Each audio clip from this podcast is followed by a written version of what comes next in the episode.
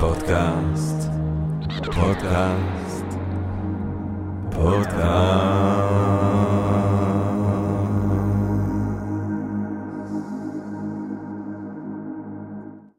טוב, גבירותיי ורבותיי, ברוכות וברוכים הבאים לפודקאסט של Think and Ring Different, פודקאסט למי שאוהב לחשוב ולשתות. אני ג'רמי פוגל, ואנחנו רוצים להתחיל עם רגע של הודיה לעצם המציאות, לעצם היש, לעצם הקוסמוס הזה שמאפשר לנו למרות הכל ובהינתן כל אלה להיפגש כאן למען הרחבת הדעת, העמקת הידע, גירוי ואולי סיפוק של הסקרנות ואולי רעיון נשגב, מעורר השראה, ככה פתאום באמצע היום או באמצע הלילה, כולנו ביחד ובעברית.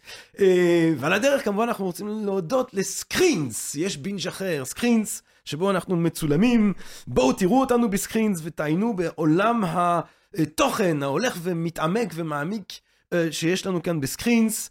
אה, כולל הרצאות של האורח המכובד שאני אציג בעוד רגע, אה, ואנחנו ב-Think and Ring Different כמובן מציעים לכם קורס בפילוסופיה, נכון תובל? שהולך להתחיל בעוד כמה שבועות ככה. אה, כיף גדול, כיף גדול, בוא, בוא נלמד פילוסופיה עם כל הפילוסופיות ופילוסופים של Think and Drink ושל היקום, הם גם פילוסופים של היקום.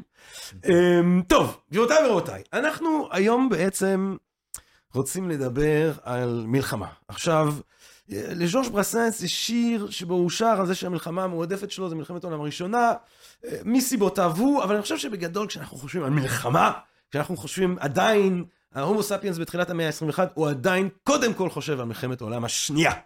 זאת, בטח שאנחנו בישראל, בטח שאנחנו היהודים, אבל באופן כללי זאת המלחמה. יש וייטנאם ויש טיראק ולנו היה את ההכפתקאות שלנו, אבל אתה רוצה מלחמה ככה עסיסית, כמו שאומר ברסנס, מלחמת העולם השנייה.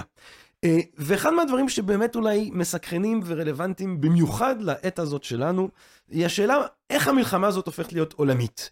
אה, היינו אולי באיזושהי תחושה מסוימת, אה, עידן הדיגיטלי, שהמלחמות העסיסיות, הכבדות, היוצאות משליטה, ההרות אסון, הפיזיות, נעלמו מעולם. היה סברה כזאת, ואנחנו עכשיו בחודש החמישי, או בערך של ה...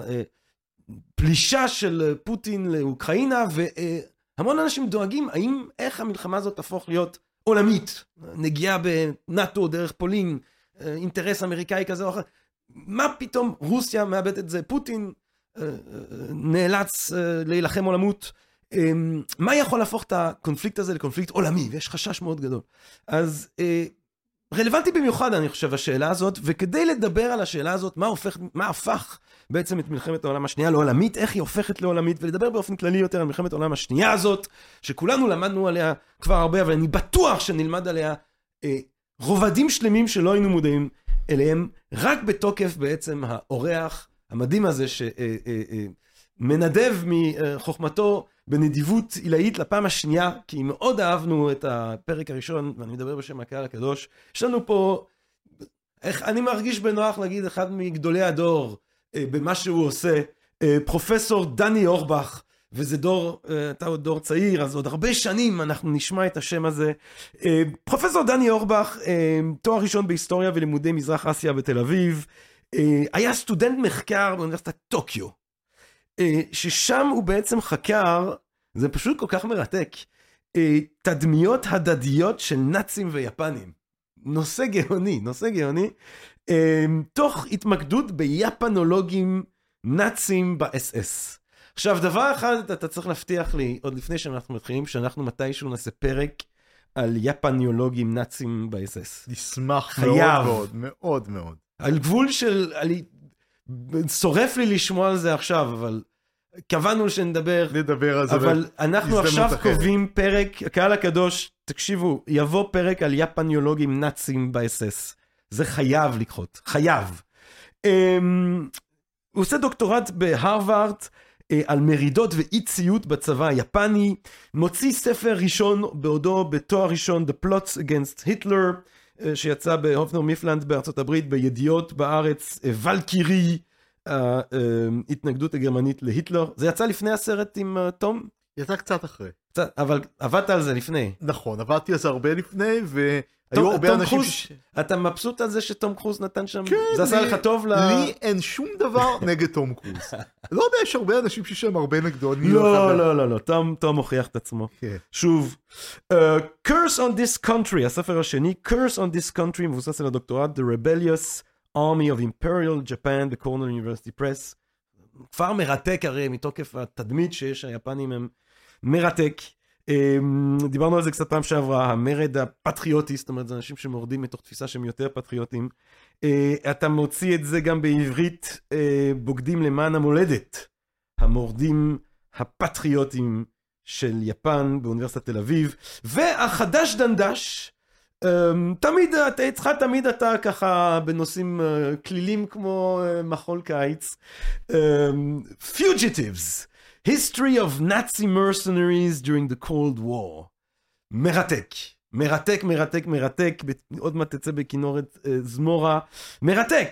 History of Nazi Mercenaries during the Cold War. אני התעקשתי, וכשאמרת לי את זה לפני רגע, ששמחתי לשמוע שאתה גם עוסק בבחור המרתק הזה שטס בשמי איטליה בככה, במה הוא טס כדי להציל את מוסוליני שם? הוא לא הציל את מוסוליני, חלק מזה זה סיפורים שהוא סיפר אחר כך. זה סיפורים. הוא היה, קראו לו אוטו סקורצני, אהה. היה איש קומנדו, איש מודיעין של האס-אס, והוא היה מעורב באותו מבצע להצלת מוסוליני. אבל האם, האם מישהו במבצע הזה אשכרה הגיע על... הם הגיעו ב- על דאונים, כן. על מה? דאונים, על דאונים אומרים בעברית. דאונים. אבל uh, הוא, uh, התפקיד שלו במבצע הזה לא היה אדיר כמו יחסי הציבור. אבל הוא היה, לעצמו. אבל אתה יודע, אני, אוטו מקבל ממני, אה, אתה יודע, כבוד זה מילה קצת משונה כאן, כי אוטו, בוא נגיד, אה, בן אדם בעייתי, אבל אוטו, וגם בצד הלא מ- נכון, בוא נהיה ברורים. אתה כן. מכיר את האנשים האלה שתמיד יודעים להידחף לאירועים מפורסמים בסגנון אימא אני בטלוויזיה?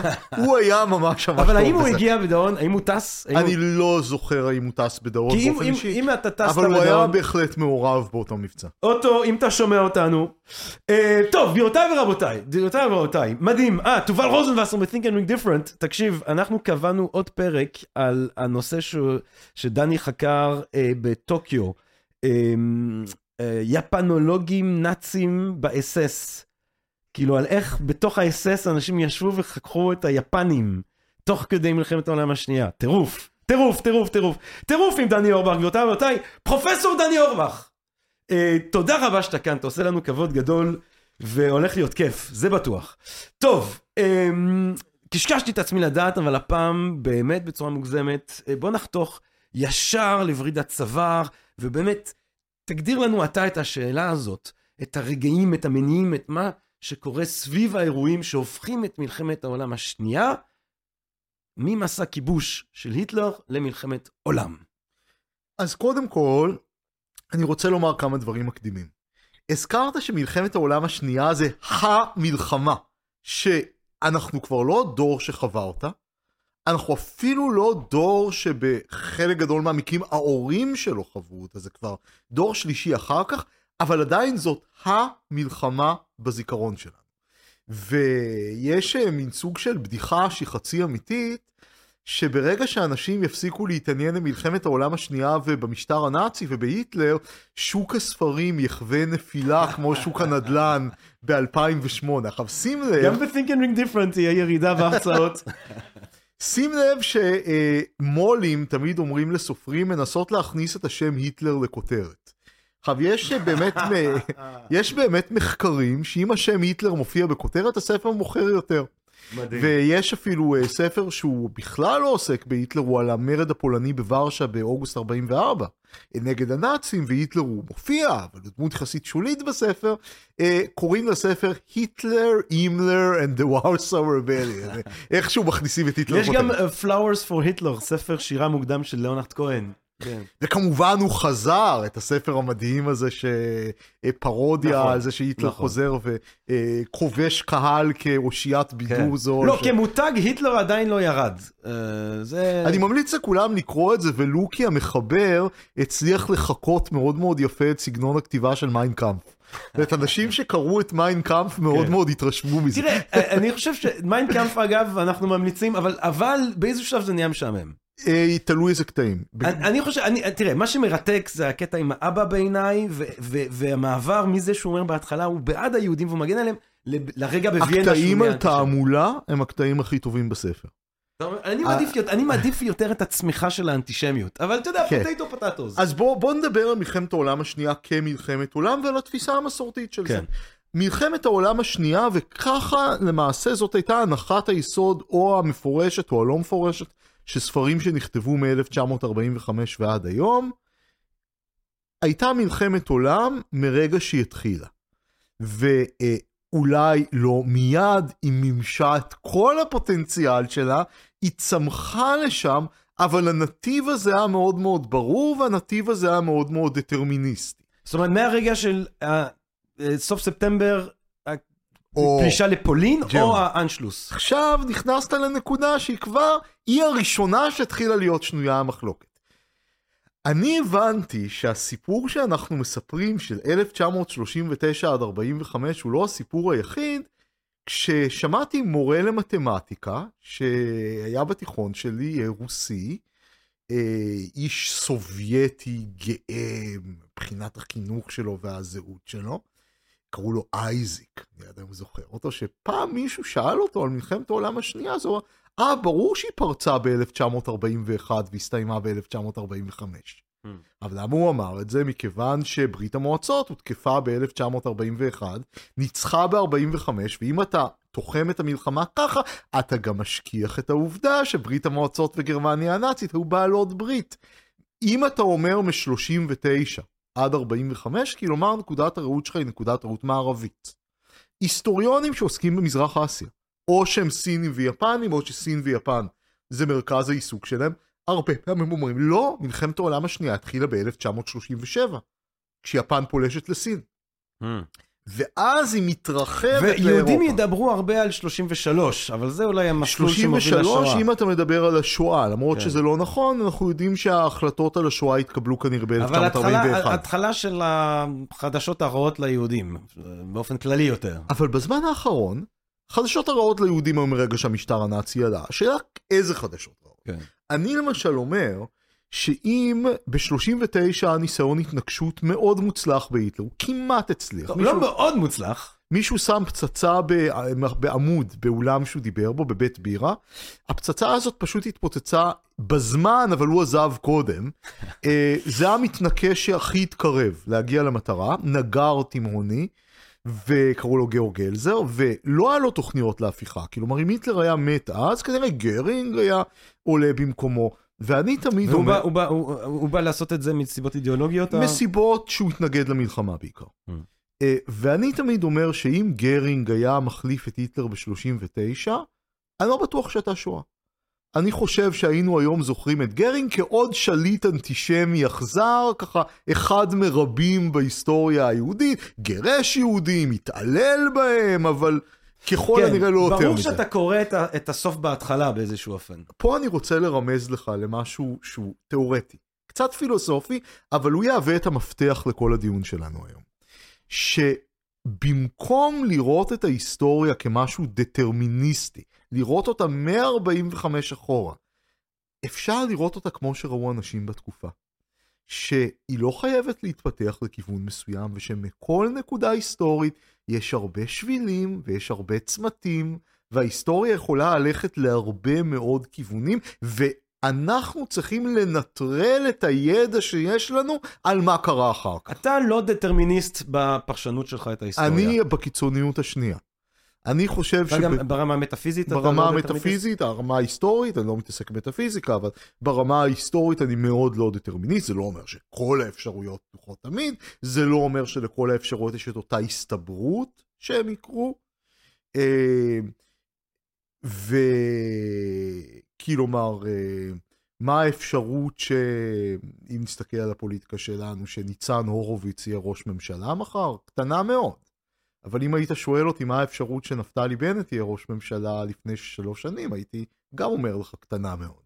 אז הסתברויות זה דבר חשוב, אבל לפעמים גם דברים לא סבירים קורים. עכשיו, במלחמת העולם השנייה, אם אתה מסתכל על נקודת המבט של אנשים שחיו ב-1939, ואפילו ב-1940, לא רק שהמלחמה לא הייתה מלחמת עולם, היא הייתה סכסוך גרמני-פולני. היא אפילו לא הייתה עדיין מלחמה אירופית. אמנם בריטניה וצרפת הכריזו מלחמה על גרמניה, אבל הם לא ממש נלחמו. אה, אתה אומר, אשכרה אחרי ההכרזה של הבריטים והאנגלים אפילו? כן, במשך כמה חודשים טובים, לא הייתה מלחמה במערב. היו כל מיני התנגשויות אז, אוקיי, בים. אז אתה אומר, אנשלוס בכלל זה היה, אם אני מסתכל על הגישה הלא לא, אנשלוס דטרמיניסטית, זה לכל הדעות לפני המלחמה. אני מדבר זה- על הפגישה לפולין. הכל סבבה עדיין, אנחנו עדיין בתקופת שלום, יש איזה היטלר אחד שמ- שקצת עושה הרפתקאות, אבל... ואז הוא פולש לפולין. ובאותו הרגע צרפת ואנגליה, מכריזות מלחמה. וזה עדיין לא הופך את זה לעולמי. לא. מכיוון שאף אחד עדיין לא יודע, אתה יודע מה? עזוב עולמי, לאירופי. זה עדיין לא מלחמה כלל אירופית. כן. ברית המועצות, שהיא המעצמה מאוד חשובה באזור, לא מעורבת בה, ולא תהיה מעורבת בה במשך שנתיים. אה, קצת פחות משנתיים. בריטניה וצרפת הכריזו מלחמה, אבל הם עדיין לא ממש נכנסו אליה. תזכיר לי את התאריך המדויק. ספטמבר 1939, ראשון אה, לספטמבר ראשון 1939. 1939. אה, בריטניה וצרפת לא מעורבות. אה, שכחתי שזה, חשבתי שזה 23 משום מה. ראשון לא, לספטמבר. ראשון לספטמבר. כן, נכון, זה אוגוסט 23, זה קודם. אה, אה, ראשון לספטמבר, ממש ככה עם היום הראשון בבית ספר, בום, נכנסים. כן, ו... שלום כיתה א'. עכשיו, יש, ופה אני אתן לך דוגמה למשהו שאני ככה רוצה לגרות את המאזינים שלנו לחשוב על זה בכיוונים חדשים. לראות את השבילים ככה שמתפצלים מהאירוע הזה של הסכסוך הגרמני-פולני הגדול. יש ספר חדש של עמיתי ההיסטוריון יעקב פלקוב, שנקרא אה, בין אה, צ'רצ'יל להיטלר, שאני ממליץ לכולם לקרוא, שהוא מתמקד בפולין.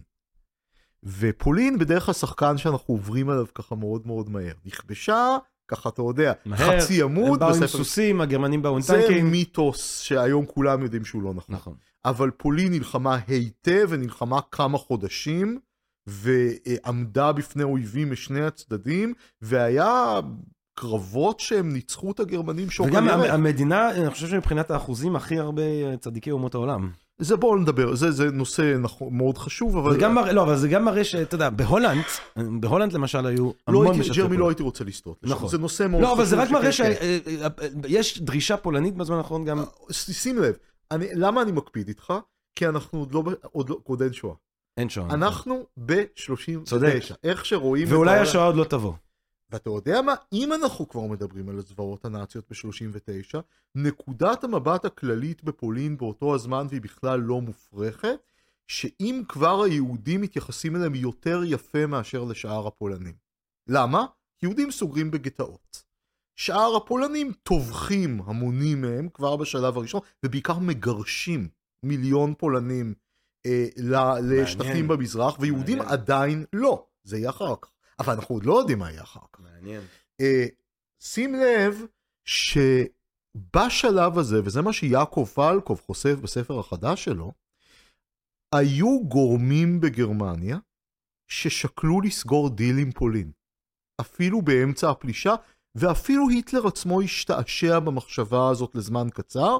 מה היה הרעיון? לקחת איזה פוליטיקאי פולני עדיף מהימין, או הימין הקיצוני, לשים אותו בשלטון, להקים איזה מדינה פולנית עצמאית בחלק משטח פולין, כמובן גרמניה תספח הרבה, לפצות אולי את פולין החדשה בשטחים שברית המועצות כבשה מהם, כלומר, ואז לכרות ברית עם פולין נגד ברית המועצות, להפר את ההסכם הנאצי-סובייטי. והיו גרמנים שהשתעשעו במחשבה הזאת. עכשיו תחשוב מה קורה אם זה היה מתממש. בריטניה וצרפת, כל המניע שלהם להצטרף למלחמה להגן על פולין, נכון? אם פולין הייתה סוגרת דיל עם הגרמנים, המניע הזה כבר לא היה קיים, יכול להיות שהמלחמה הייתה מסתיימת הרבה יותר מוקדם, ובאמת אם אתה מסתכל בתקופה, היו כל מיני מתווכים, מתווך שוודי למשל, הוא היה אחד המפורסמים יותר, שהתרוצצו בכל אירופה כדי לנסות לסיים את המלחמה הזאת. וזה לא הלך. אני חושב שזה לא הלך כי השנאה בשני הצדדים הייתה גדולה מדי, והכוחות שרצו הסכם משני הצדדים היו חלשים מדי.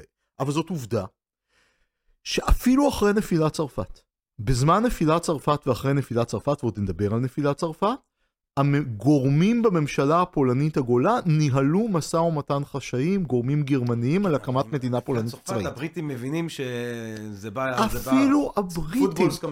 אחרי נפילת צרפת, אפילו הבריטים לאיזשהו זמן שקלו לסגור דיל עם הנאצים. נכון, אבל... אבל... וזה ידוע. מתוך הבנה שהם, שהם, עומדים לחטוף. עכשיו ידוע שגם, אבל מה שלא ידוע שאפילו פולין מהממשלה הפולנית הגולה, גורמים בתוכה שקלו לעשות את זה. כי היה, חשבו שאולי עוד מעט הבריטים סוגרים דיל עם הנאצים, אז אולי כדאי שאנחנו נעשה את זה קודם. ולמה כל זה? כדי להראות לך שבשלב הזה לא היה ברור אפילו שהמלחמה תהיה כלל אירופית, וודאי לא היה ברור שהיא תהיה מלחמה עכשיו, עולמית. איך, לא, אבל מבחינתך, גם ברגע שהוא נמצא בפולין והוא נמצא בצרפת, זה עדיין לא קונפליקט כלל אירופי? זה כבר קונפ... קונפליקט שהוא בחלק מאירופה. כן. ברית המועצות עדיין לא מעורבת. שום קונפליקט לא יכול להיות כלל אירופי בתקופה הזאת אם ברית המועצות לא משתתפת. למעשה הקונפליקט הופך להיות כלל אירופי באופן מלא לדעתי ביוני 1941. זאת אומרת, זה נקודת המפנה שגרמניה פולשת לברית המועצות, ואז זאת באמת הופכת להיות מלחמה כלל אירופית. אבל אז אתה בעצם אומר, ואתה אומר גם, למרות השיח של ליבנסראום, של השיח הנאצי ש, שכאילו טמון בו באיזושהי צורה, אולי שוב בדיעבד, אולי זה דטרמיניסטי לראות בשיח הזה באופן, טמון בו איזשהו כיבוש, אתה אומר משהו- עדיין זה לא אומר. אני לא הם דוחה את זה בעצמם לא. היו שם עוד. אני לא דוחה את זה לגמרי. אני חושב שחברי יעקב פלקוב, שהוא מאוד מאוד מדגיש את האלטרנטיבות ואת האופציות לצאת מהמלחמה, אני חושב שהוא קצת מגזים. למה?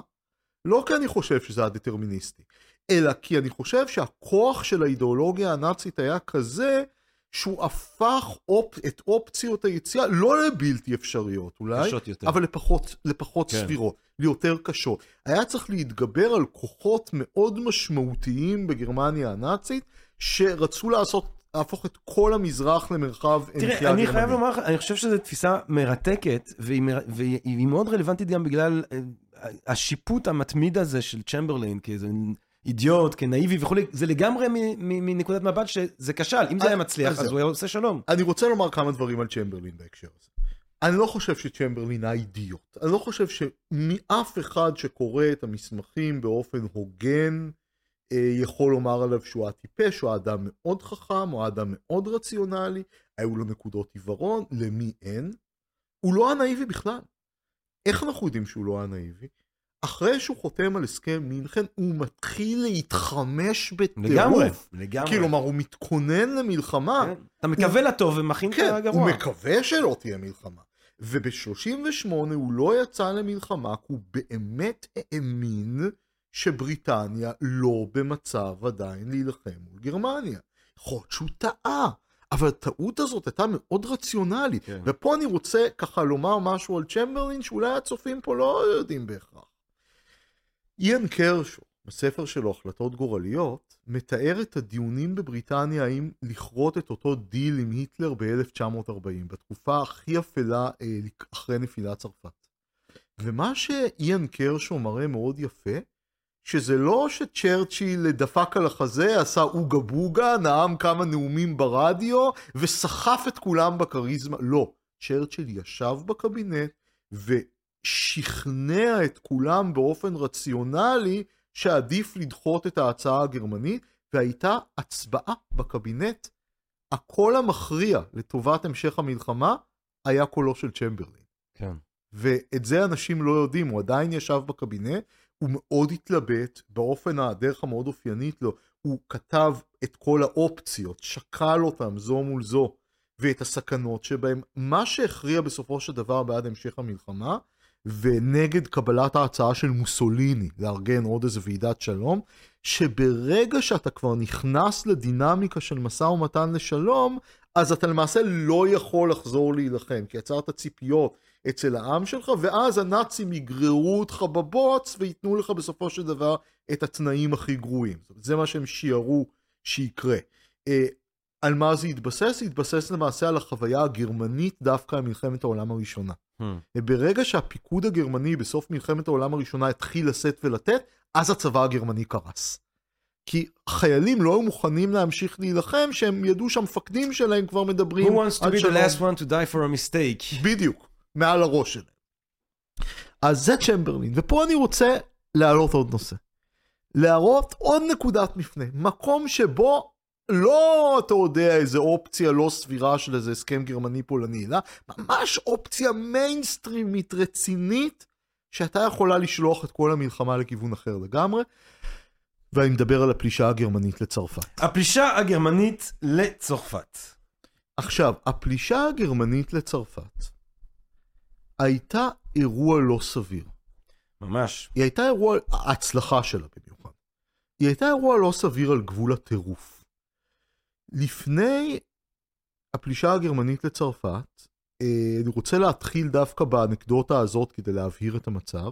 תנועת ההתנגדות הקטנה מאוד שפעלה בצמרת הצבא, אחרי שהיא הוכתה שוק על ירך ב-1938, תכננה עוד ניסיון הפיכה, שכולו היה מבוסס על ההתנגדות הכמעט כללית שהייתה בצמרת הצבא באותו הזמן לפלישה הגרמנית לצרפת למערב.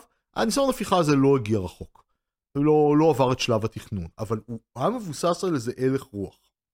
והלך הרוח הזה היה שאפילו גנרלים שהיו נאצים מאוד מבחינה אידיאולוגית, חשבו שהפלישה תהיה אסון.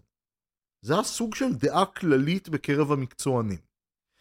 למה זה היה ומה בדיוק קרה? אה, היה פה שרשרת של אירועים שהיא מאוד מאוד מעניינת, ומכיוון שיש לנו זמן, אני גם אפרט אותה. התוכנית הגרמנית בהתחלה הייתה תוכנית מאוד מאוד עייפה. היא למעשה הייתה מאוד דומה לתוכנית הפלישה הגרמנית במלחמת העולם הראשונה, דרך צפון בלגיה.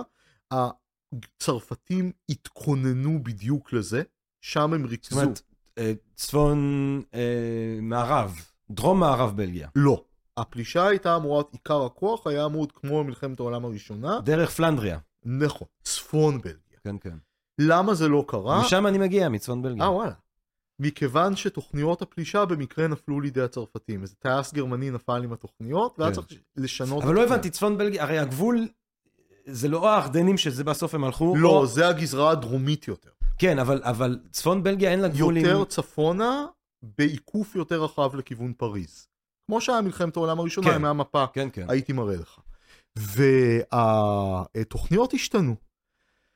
והגרמנים הימרו על תוכנית מאוד מאוד משוגעת. לתקוף דרך הרי הארדנים, זה לא בדיוק שהם בלתי עבירים לכוחות שריון, כמו שכל מיני אנשים בספרים פופולריים לפעמים כתוב, אלא שהדרכים בהם מאוד מאוד צרות ופקוקות, ומאוד מאוד קשה להביא לחוד, לחוד של השריון שמתקדם מהר את האספקה והארטילריה והרגלים מאחוריו, סביר שהכל יהיה תקוע בפקקי תנועה, בדרכים המאוד מאוד צרות האלה, ואז אתה מסתכן שהשריון שלך יתקדם יותר מדי קדימה, ואז יושמד בלי כוחות הסיוע שאמורים לעזור לו ונמצאים מאחוריו.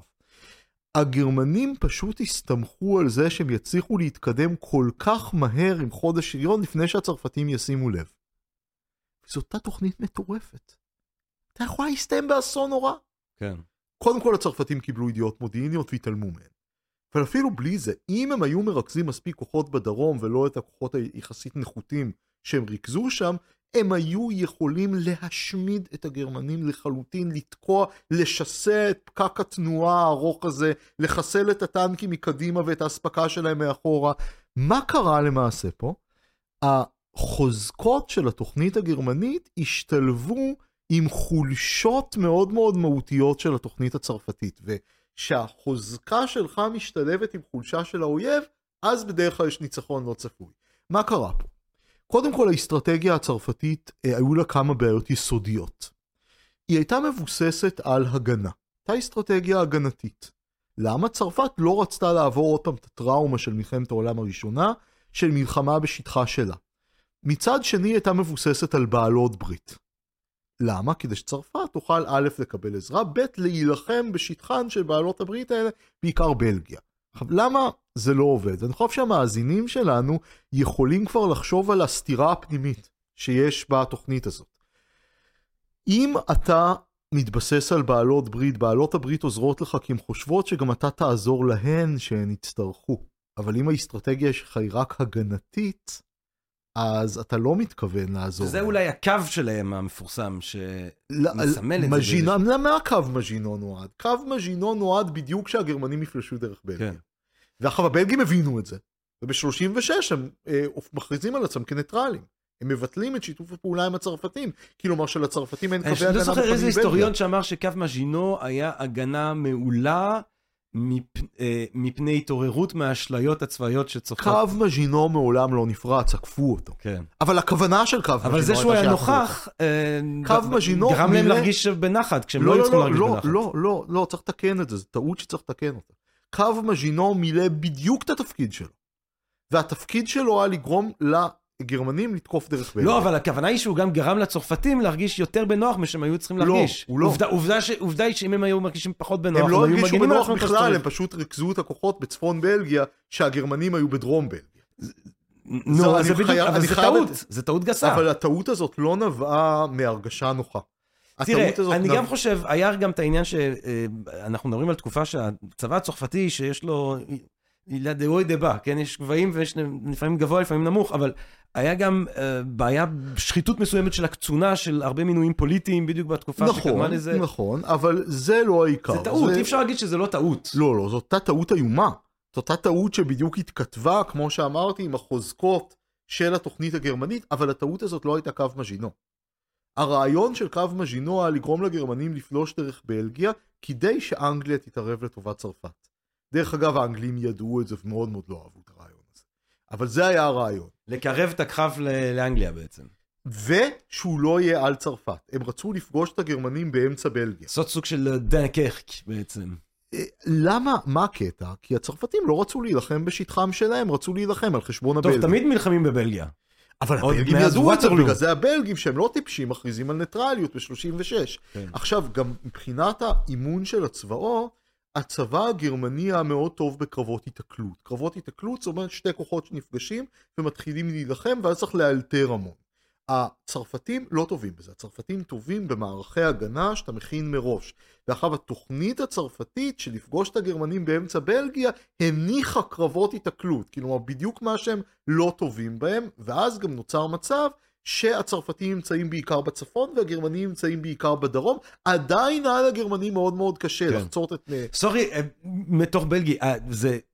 הצ- הצפון של הגבול של צרפת ובלגיה, זה עדיין דרומית בבלגיה יחסית לגבול עם הולנד, נגיד. אני יודע. זה, זה, זה בדיוק זה מה שרציתי להגיד, כן. זה בדיוק מה שאני מתכוון. סורי. כן, אנחנו פשוט מתבלבלים פה כן. כיוונים, היה לנו מפה. מאיפה אנחנו מגיעים, בדיוק, זהו. כן, היה לנו מאוד מאוד קל להסביר. גם הצרפתים שלחו כוחות לדרום הולנד, מה שנקרא וריאנט ברדה, בדיוק, כן. אה, בדיוק לפני הפלישה. אבל עדיין, ואז ואז מה, הם קורסים? הם קורסים. פשוט קורסים? כי הגרמנים פולשים לעורף הצרפתי, אה, ובדיוק איך שחזה האסטרטג לידל הארט, שהיה מאוד פעיל באותה תקופה, האסטרטג הבריטי לידל הארט, ברגע שאתה חותך במהירות לתוך העורף של, של האויב ומבלבל את מערך הפיקוד, השליטה, המודיעין, האספקה העורפי שלו, אתה מכניס את האויב למין בלבלת כזאת ומין קריסה מנטלית, שגורמת לו להתמוטט גם אם הוא עוד יכול להילחם. מה שאני מנסה לומר למאזינים, אחרי כל הפרטים הצבאיים האלה, שהפלישה הגרמנית הייתה הימור מטורף שהצליח. הרבה יותר סביר שהוא היה נכשל. מכיוון שאתה לא יכול תמיד לבנות על הטעויות של האויב. במקרה הזה הצרפתים עשו את כל הטעויות הנכונות, בדיוק מה, ש... מה שהגרמנים ציפו. ואם הצרפתים היו קצת יותר טובים, ואם היו קצת פחות לא טובים, כנראה גרמניה הנאצית הייתה חוטפת תבוסה מוחצת באביב 1940. בדיוק כמו שהגנרלים הגרמנים חזו שיקרה, זה לא משהו שאני אומר כפרשן בדיעבד, זה מה שהגנרלים הגרמנים חזו. עכשיו לידלרט עצמו האמין שאין סיכוי שגרמניה תכבוש את צרפת, אבל שוכחים שהוא הוסיף סייג, אלא אם צרפת תעשה סדרה של טעויות בלתי נתפסות, שזה בדיוק מה שצרפת עשתה. ולמה היטלר עצמו כאילו light his chances?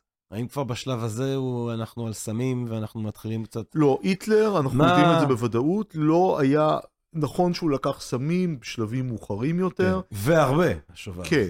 לא- ואגב, גם, ה- גם הצבא, יש ספר אה, לא יש ספר ש- של אה, מדבר על זה שהם לא נורמן הלכו לישון, אולר, שזה אני- היה מאוד משפיע. נורמן אולר אה, כתב ספר מאוד טוב, אבל כמו הרבה שמקדמים תזות חדשות, הוא מאוד מאוד מגזים. כן.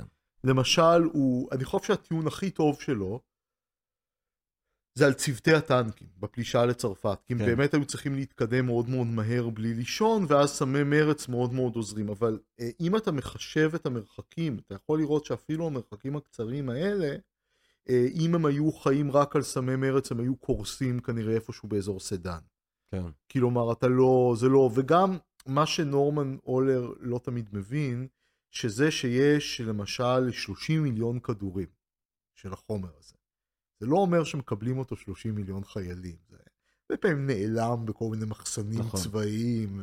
אבל אתה יודע, עצם, זה מסורת עתיקה, כבר אצל הוויקינגים היו את ה... עכשיו הבזורקים שהיו תוקפים במצב תודעתי אה, על מה שהיום היינו יכולים לסיים.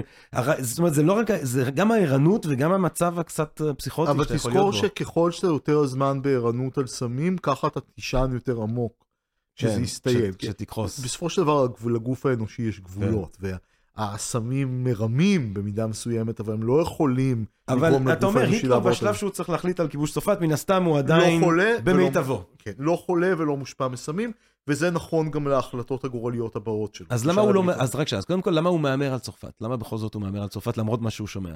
היטלר, ופה צריך להבין את האסטרטגיה הבסיסית שלו. קודם כל, אין להיטלר אנד גיים ברור. הוא אף פעם לא יודע איך הוא יסיים את מה שהוא התחיל. אה, וזה, בזה הוא דרך אגב מאוד דומה לנפוליאון. אה, ומכיוון שהוא לא מסוגל לסיים, גם האויבים שלו לא מסיימים בשלב הזה, הבריטים כאמור לא מוכנים להיכנע, אה, אז יש לו נטייה לנקוט בטקטיקה שהמורה שלי, ההיסטוריון קייטל נולן, קרא לה קוביית הברזל. ברזל כמלחמה, קובייה כהימורים. מה זה אומר קוביית הברזל? תמיד להמר על עוד מלחמה. אתה נמצא במצב שהוא מבוי סתום, תפרוץ קדימה. תכפיל את ההימור. זה היטלר. ככה הוא עובד.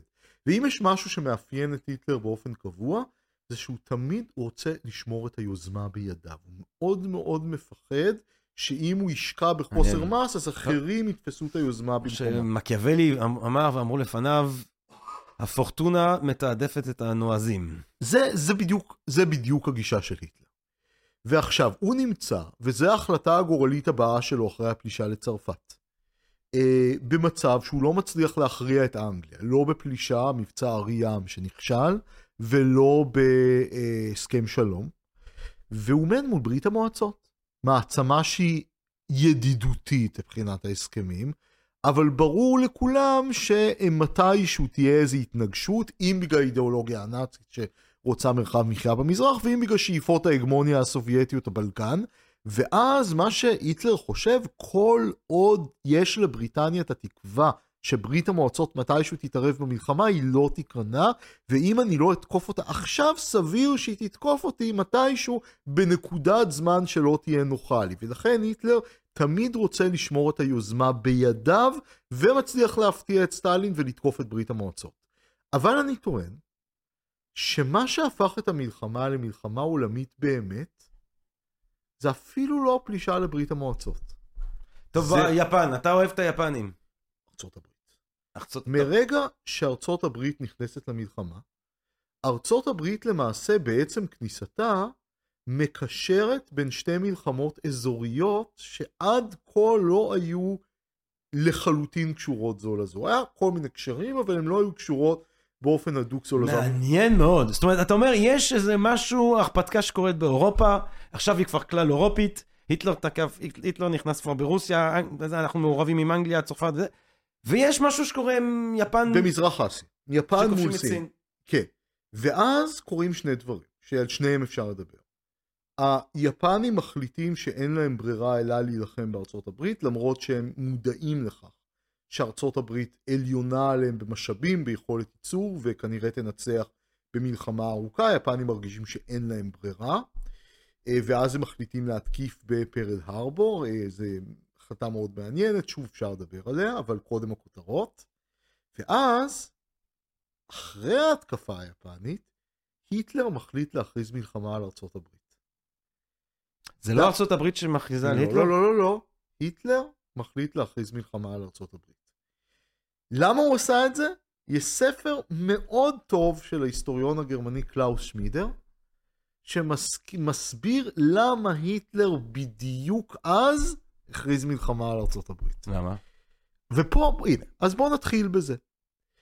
למעשה היטלר חשב שארצות הברית ממילא תילחם נגד גרמניה, אני אסביר תכף למה, אה, וכשעדיף לו, כאמור, אנחנו כבר רואים את זה כדפוס, לשמור את היוזמה אצלו, ולהתקיף דווקא בתאריך הזה שבו הוא חשב שהמון המון גורמים שטובים לגרמניה מצטלבים זה עם זה במקרה. עכשיו, למה היטלר חשב שארצות הברית תתקוף אותו בכל מקרה? מכיוון שרוזוולט התגרה בגרמניה ככל שהוא היה יכול. הוא למעשה מרחיב את האזור המים האסטרטגיים של ארצות הברית כמעט עד לאיסלנד. הוא מתחיל לתקוף שם ספינות גרמניות, והיטלר היה מאוד סובלני. כל הזמן הוא ראה, אל תתגרו באמריקאים, אל תתגרו באמריקאים, אל תסתובבו בשטח, אל תראו על ספינות לא מזוהות. אני לא מדבר על ספינות אמריקאיות. כדי לא לתת לארצות הברית פרובוקציה להיכנס. ואז ארצות הברית מתחילה לבטל את חוקי הניטרליות שלה. כלומר, לסייע לבריטניה יותר ויותר זה קורה בשלבים, והיטלר מאמין שאם הוא לא יתקוף, האמריקאים יתקפו. בעיה הייתה ש... כמה, מה הוא כבר תקף? מה? מי, מי תקף? הוא שלח איזה שלוש אובוטס, היפנים תקפו, מה, הוא לא תקף. הוא הכריז מלחמה. כן, אבל זה לא שהוא... הכרזת המלחמה הזאת הייתה קריטית, מכיוון שהיא פתרה לאמריקאים דילמה. לרוזוולט היה מאוד קשה לשכנע את הבדלנים בקונגרס לערב את ארצות הברית למלחמות זרות. ברגע שא' היפנים תקפו וב' הגרמנים הכריזו מלחמה, כבר נגמר הוויכוח. אבל אתה אומר, אה, היטלר כל הזמן מחכה לסוויט מומנט אה, לגרמניה כדי לתקוף, אבל פה הוא בכלל לא תוקף. לא, הוא קודם כל... אתה מכריז, תכריז מלחמה, זה, זה כבר דובל, לא, זה כבר פונזיסקים. לא, אתה מכריז... זה כבר, הקטע הזה של דובל סליחה, סליחה, סליחה, סליחה, פה אני צריך לעצור אותך. נו. כי זה צריך לתקן טעות. הכרזת המלחמה הזאת היא לא חסרת משמעות בכלל. מה שהיא למעשה אומרת שהקרב על האוקיינוס האטלנטי יכול להתחיל. שאפשר לתקוף את הספינות האלה שמביאות תגבורות ומסייעות לבריטניה עוד שהן באוקיינוס האטלנטי. וזירת האוקיינוס האטלנטי בשלב הזה הופכת לאחת מהזירות החשובות ביותר המלחמה. אבל מה אם הוא היה תוקף את הספינות האלה בטענה שהן מסויות לאנגליה בלי להכריז מלחמה על ארה"ב? יכול להיות שארצות הברית הייתה מנצלת את זה כדי להכריז מלחמה אה, כי תקפו אותה. אבל אתה יודע, זה יותר חכם לעשות את זה ככה. תן לך סיכוי. זה כמו אם פוטין יחליט לתקוף אה, את ארצות הברית או לתקוף את ארצות הברית באוקראינה. השאלה היא קצת טכנית, אבל אני רוצה לדבר על דברים חשובים יותר. No. למה היטלר חשב שזה הרגע המתאים להכריז מלחמה? עזוב להכריז מלחמה, להיכנס למלחמה עם ארצות הברית. כי אתה יודע, התקפות מסוימות על ספינות אמריקאיות, ברור שזה יכניס את שתי המדינות למלחמה זו עם זו, אז זה למעשה לעשות אותו הדבר בדרכים אחרות. ופה אנחנו מגיעים לדבר שמאוד חשוב לי להדגיש למאזינים. אנחנו כרגע בשישי בדצמבר, 1941. אם אתה קורא אה, בספרי מלחמת העולם השנייה, לספרי סקירה על מלחמת העולם השנייה, הם בדרך כלל ידברו על מבצע ברברוסה, וידברו על איך ההתקפה הגרמנית ממש בשלב הזה נכשלה מול מוסקבה, וז'וקוב כבר מתחיל בהתקפת נגד שזורק את הגרמנים יותר מ-100 מיילים אחורה. ולמעשה הדשדוש הגרמני בברית המועצות מתחיל, וזה הסכנה בספרים שעוברים מהר מדי על האירועים. מכיוון שהיטלר, בשישי בדצמבר, ידע רק מה שקורה עד השישי בדצמבר. בעוד שאם אתה קורא בספר מבוא, השישי בדצמבר נבלע בתיאור של החודשיים שהוא נמצא בתוכו. בשישי בדצמבר עוד לא היה ברור לחלוטין שהתקפת הנגד של ז'וקוב בכלל תצליח. למרות שאנחנו יודעים שזה מה שקרה, להתקפות הנגד של ז'וקוב היה נטייה להיות בקצב מאוד מונוטוני, הרבה מהן היו מאוד כושלות, וסתם בזבזו כוחות, והיה אז עוד אפשר לחשוב שזה עוד אחת מהתקפות הנגד הכושלות האלה, אלא אם היית ממש בחוד. האנשים שהיו בחוד ידעו שזה כבר משהו אחר, אבל לקח בערך שלושה ימים עד שזה הגיע להיטלר. קודם לרמטכ"ל ואז להיטלר, והיטלר בשישי בדצמבר כאילו קלט את האירועים קצת באיחור, ולמעשה עוד חשב שההתקדמות לקראת מוסקבה ממשיכה בכל הכוח. שמבצע ברברוסה הולך טוב. זה דבר אחד. ואני מדגיש את זה כי אני אומר כמה אנחנו מפסידים שאנחנו קוראים סיכום מהיר של האירועים, כי אז אנחנו לא יכולים להבין איך היטלר חשב. דבר שני, הוא חשב בגלל הדוחות של האנשים שלו בארצות הברית, הדיפלומטים שלו, הממונה על השגרירות והנספח הצבאי, שיכולת הייצור האמריקאית, בעיקר של אלומיניום, אה, בעיקר של אה, כל מיני מתכות, גומי סינתטי, סליחה, בעיקר של גומי סינתטי, היא אה, מאוד מאוד בעייתית, יכולה להפיק כמויות קטנות. הנספח הצבאי הגרמני, בוטלישר, מאוד צדק בבעיות שהוא זיהה בתהליך הייצור האמריקאי, מה שהוא לא הבין, בדיוק כמו היפנים דרך אגב. זה כמה מהר האמריקאים התגברו על הבעיות האלה. דבר נוסף, היטלר הניח שהאמריקאים יתרכזו במזרח אסיה. ופה צריך להבין קצת היחסים בין גרמניה ויפן. היטלר, היפנים נורא עצבנו אותו. הם עצבנו אותו כי הם היו מאוד לא סגורים על עצמם. יפן של אותה תקופה הייתה מדינה שנשלטה לא על ידי מנהיג אחד, אלא על ידי הרבה מאוד סיעות. והפוליטיקה בין הסיעות האלה הייתה בלתי נסבלת. כל הזמן מהפכים, ומחליטים, ומשנים את ההחלטה, וחושבים מחדש, ודנים. והיטלר חשב, סוף סוף הם הגיעו להסכמה לתקוף את ארצות הברית. אם אני לא אתחייב שאני אתקוף איתם, אז סביר להניח שהם ישנו את דעתם וההזדמנות הזאת תתמסמס. כלומר שהוא חשב שהוא זיהה איזה תאריך שסוף סוף במקרה היפנים נסגרים על עצמם. ולבסוף האנשים שלו בארצות הברית מאוד מאוד הגזימו בהשפעה של כוחות שמתנגדים לרוזוולט. כל מיני גזענים דרומיים ובדלנים למיניהם שאהדו את הנאציזם, וגם פה לא הבינו עד כמה אפילו כל האנשים האלה התאחדו מאחורי רוזוולט ברגע שהמלחמה התחילה. אה, כלומר, היטלר בשישי בדצמבר חשב שכל הכוכבים מסתדרים. לרגע שבו הכי נוח לתקוף את ארצות הברית, ומכיוון שהיא ממילא תתקוף את גרמניה אחר כך, עדיף שהוא ינצל את ההזדמנות וייקח את היוזמה בידו. וההחלטה הזאת של היטלר, פלוס ההחלטה של היפנים בפרל ארבור, למעשה לוקחת את שתי המלחמות האזוריות הנפרדות האלה ומאחדת אותן למלחמת עולם. וזה למעשה הרגע... שישי לדצמבר. שישי לדצמבר שהיטלר מחליט, אה, ההכרזת מלחמה תהיה קצת אחר כך, שהוא מחליט אה, להכריז מלחמה על ארצות הברית. אה, למעשה זה הרגע שהמלחמה הזאת תהפוך שישי לדצמבר 1941. כן, זה אם שואלים אותי מתי מלחמת העולם השנייה הופכת למלחמת עולם, אז זה שם. מדהים, מדהים. תראה, אבל אה, אני רוצה שנייה לחזור לרגע גורלי גם במיוחד. בעיניי, אולי אם נתחיל לחשוב, אבל אולי באמת אני קצת אה, שפינוזיסט דטרמיניסט כאן, אבל הרגע שבו דברים באמת, אה, ברגע שהוא מטיל את הביצה של ההפסד שלו, זה אולי בכל זאת הפלישה לרוסיה. זה, הר, זה הרגע שמתחיל לאט לאט בעצם להיכנס לאוטוסטרדה שהוא בהכרח יכחוס בה בסופו של דבר, למרות ש... אולי גם לא. אתה יודע, פתאום אני חושב, כמו שאתה אומר, יכול להיות, הרי אומרים שהפנייה הזאת לאוקראינה דווקא, אה, במקום לכבוש את מוסקבה בפרץ הראשון, אה, זאת אומרת, האם, רוצה, האם רוצה... אתה חושב שהיטלר היה יכול לנצח במוסקבה, להפוך כמו שהוא רצה את מוסקבה לאגם?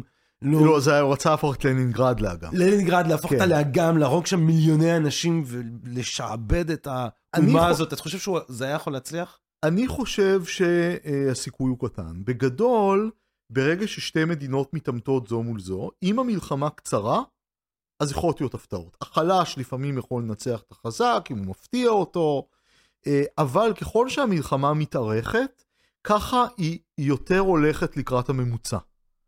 כלומר שהמדינה שיש לה יותר כוח ייצור, יותר אוכלוסייה, יותר אה, מאגרים לגייס מהם חיילים, יותר סביר שהיא תנצח ככל שהמלחמה מתמשכת.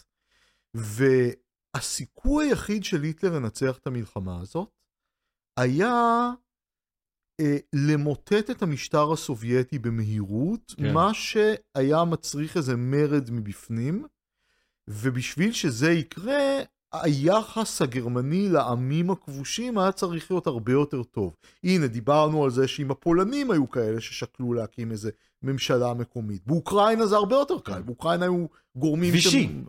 וישי בצרפת. נכון. באוקראינה... אבל זה דוגמה למשהו שהיה יכול לקרות גם ברוסיה. כן, וזה לא קרה במזרח.